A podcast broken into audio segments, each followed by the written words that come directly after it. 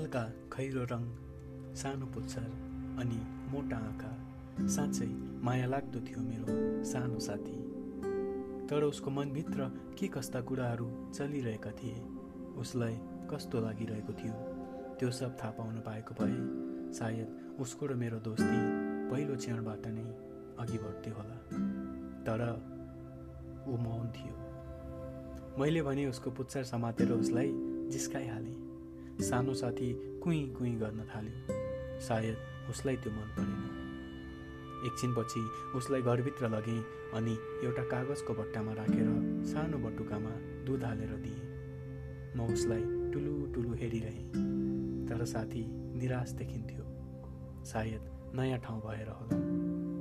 मलाई पनि कसैले ट्याप टिपेर लगेर अरू कसैको आँगनमा यसरी छाडिदिएको भए घाम अस्ताउँदै जुन किरीको चमकले दिन अब ढल्यो है भन्ने आवाज गरायो। मैले उसलाई फेरि दुध र भात लगिदिएँ। उसले पहिले नै राखिदिएको दुधमा आफ्नो जिब्रो मात्र लगाएको रहेछ। खाना राखेर म निस्किहालेँ। बेलुका सुत्न निकै बेर लाग्यो। ध्यान पल्लो घरमा जो अड्केको थियो। बिहान उठ्ने बित्तिकै नयाँ साथीको हालखबर के छ त भनेर बुझ्न जाँदा ऊ त गायब भइसकेको रहेछ। यताउता हेरेँ कतै देखेन। चिन्ताले सतायो। हिजो मात्र आएको आज छैन। घर वरिपरि कतै नदेखेपछि रुन थाले। रोएको देखेपछि बाबाले के भयो? भनेर सोद्धा कुकुर हरायो भनेर रुन्चे मुख लगाए। सुरुमा त बाबाले ठिकै छ गयो होला कतै आइहाल्छ नि चिन्ता नगर भन्नुभयो। तर म जिद्दी मानेन। अनि बाबालाई पनि मजबुर भएर अब त पत्ता नलगाए यसले सुख दिन्न भन्ने भएपछि लहिड खोज्न जाम भन्नुभयो। बाबा र म हामीलाई त्यो कुकुर ल्याइदिने मान्छे को हुन् भनेर पत्ता लगाउन खासै समय लागेन।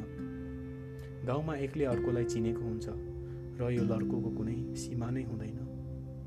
यसरी तिनी मान्छेको ठेगाना पत्ता लगाएपछि हामी आधा घन्टा जति हिँडेपछि उनको घरमै पुग्यौँ।